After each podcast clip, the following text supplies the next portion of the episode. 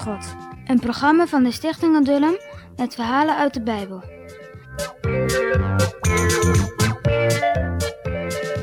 Twee koningen waren er al gedood.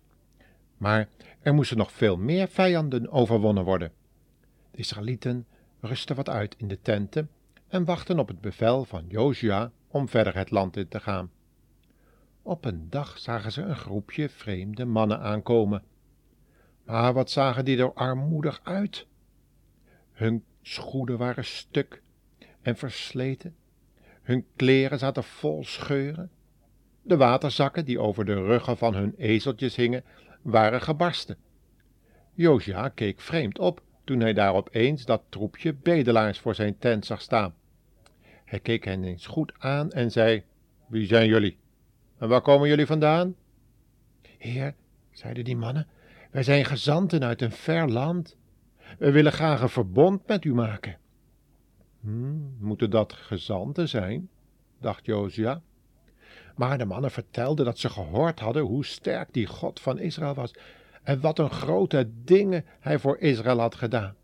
En daarom hadden ze besloten om niet met Israël te vechten, maar te vragen of ze hun knechten mochten zijn.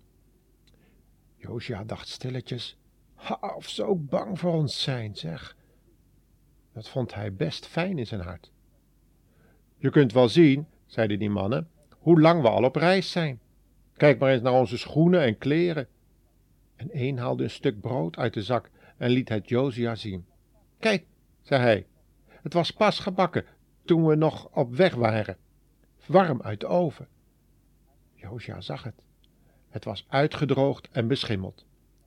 Toen Joosje een poosje had nagedacht en met de oudsten had beraadslaagd, zei hij: Goed dan, wij beloven je dat niemand van je volk gedood zal worden. We zullen een verbond met je sluiten. De Heere, onze God, heeft het gehoord.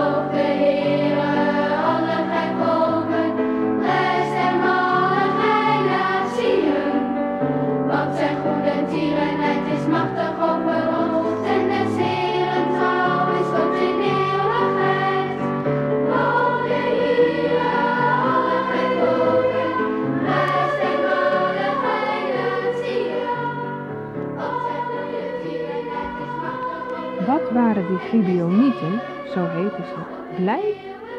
Maar een paar dagen later kwam het uit dat ze Jozua en de oudste lelijk bedrogen hadden. Ze kwamen helemaal niet uit een ver land. Ze woonden vlakbij het kamp van de Israëlieten. Wat schrok Jozua toen hij dat hoorde? En wat waren de Israëlieten boos? Ze moeten gedood worden, de leugenaars, riepen ze. Maar dat wilde Jozua niet. Hij begreep best hoe dom hij geweest was. Hij had immers de Heere niet gevraagd of het goed was. Jozua was heel onvoorzichtig geweest, want de Heere had toch verboden om met de inwoners van Canaan een verbond te sluiten, maar beloofd was beloofd. Jozua moest zijn woord houden, dat was eerlijk. En dat deed hij. Jullie hebt ons bedrogen, zei hij boos, maar God heeft gehoord wat ik jullie beloofd heb, en daarom mag je blijven leven. Maar je moet altijd voor ons water putten en hout hakken, en maak nu maar dat je wegkomt.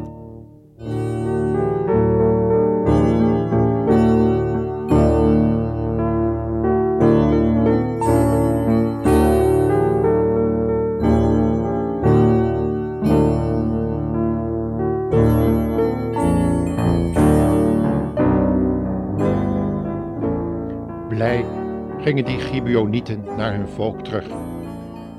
Toen ze thuis kwamen, riepen ze: de list is gelukt. We mogen in leven blijven. En daar was het de Gibeonieten toch om te doen geweest. En als we op dit punt van het verhaal komen, dan heb ik nog een ander verhaal voor jullie, wat hierop aansluit. Dat is een heel mooi verhaal hoor, over een hele kleine zendelingen, die er ook voor gezorgd heeft dat mensen in leven mochten blijven en eeuwig leven kregen. Luister maar eens. Onze woonkamer is aan een nieuw behangetje toe. Nou, dat plakken we er wel samen even op. Direct na het avondeten werd de hele kamer overhoop gehaald en dapper beginnen we. Kwart over zeven gaat de bel. Ho, vreselijk.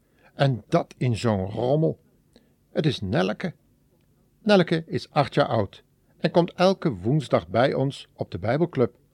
Ze weet heel zeker dat de heiland in haar hartje woont en ze schaamt zich niet dit aan anderen te vertellen.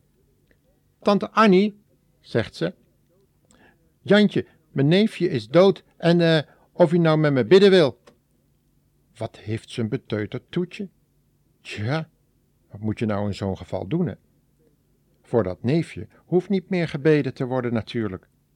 Zou dat meisje dat wel echt te begrijpen? Kom eens binnen, Lenneke. De behangerij is vergeten. Het volgende verhaal krijgen we te horen. Uh, nou, Jantje was ziek, een bloedziekte, zegt zijn moeder. Uh, en nou is die gisteren dood gegaan. Uh, en of u nou met me bidden wil. Had Jantje wel eens iets over de Heer Jezus gehoord, Nelleke? De, oh ja hoor, hij wist alles. Want wat ik op de club hoorde, ging er altijd gauw aan Jantje vertellen. Ik heb hem ook verteld dat de Heer Jezus nu in mijn hartje woont en dat hij mij alle tijd helpt. En toen zei Jantje, hé hey, Nelleke, zou je die Jezus in mijn hart ook willen komen? En zou die mij ook willen helpen? Ik ben ook zo dikwijls stout. En toen zei ik dat Heer Jezus dat best wou doen, want dat hij voor alle mensen aan het kruis gehangen had. Toen hebben we samen gebid en toen is de Heer Jezus ook in Jantjes hart gekomen. We waren een beetje verbaasd toen we dat hoorden. En als Jantje dat echt gemeend heeft toen, waar is hij dan nu, denk je, Nelke? Ze keken me een beetje verbaasd aan. Het was alsof die ogen vroegen: Hoe heb ik het nou? Weten jullie dat niet? Toen zei Nelke: Waar Jantje is? Nou, dat, dat, die is bij de Heer Jezus natuurlijk. Maar ik wou vragen of u nou met mij wou bidden. Wat een domme grote mensen, hè? Nelly was niet gekomen omdat ze zo over Jantje inzat. Ze had verdriet, echt verdriet. Ze miste Jantje. En nu zocht ze ons op om samen met haar verdriet tot de Heere te gaan. De kleine schat. We hebben toen met haar gebeden. Voor ons alle drie waren dit echt fijne ogenblikken. We zeiden tegen Nelleke dat ze aan Jantje zijn vader en moeder moest vertellen dat ze met Jantje gebeden had en dat hij nu bij de Heer Jezus was. Daar zouden ze troost aan hebben. Opgelucht en stralend ging ze weg. Dat halve uur dat we met Nelly gepraat hadden, dat wonnen we zo weer terug. Want het was net alsof het behangen veel vlugger ging. Wat voelden we ons rijk en gelukkig met zo'n kleine zendelingen, die ervoor had gezorgd dat er vriendinnen op de club kwamen en dat een Jantje, die nu gestorven was, de Jezus had leren kennen. Hij was nu gered. Hij had eeuwig leven gekregen door die kleine zendelingen, die vrede aan had geboden. En net als die Gibeonieten, die daar kwamen om vrede aan te bieden, die weigerden te vechten met de Israëlieten, nou, die kregen ook het leven, zoals iedereen die tot de Heer Jezus komt. De grotere Josia. Eigenlijk heet de Heer Jezus ook Josia.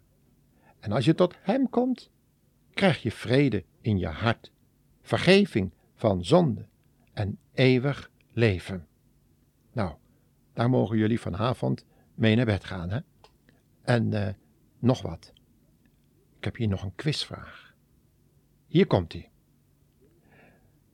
Wat deden de Gibeonieten om Jozua te laten geloven dat ze van heel ver kwamen?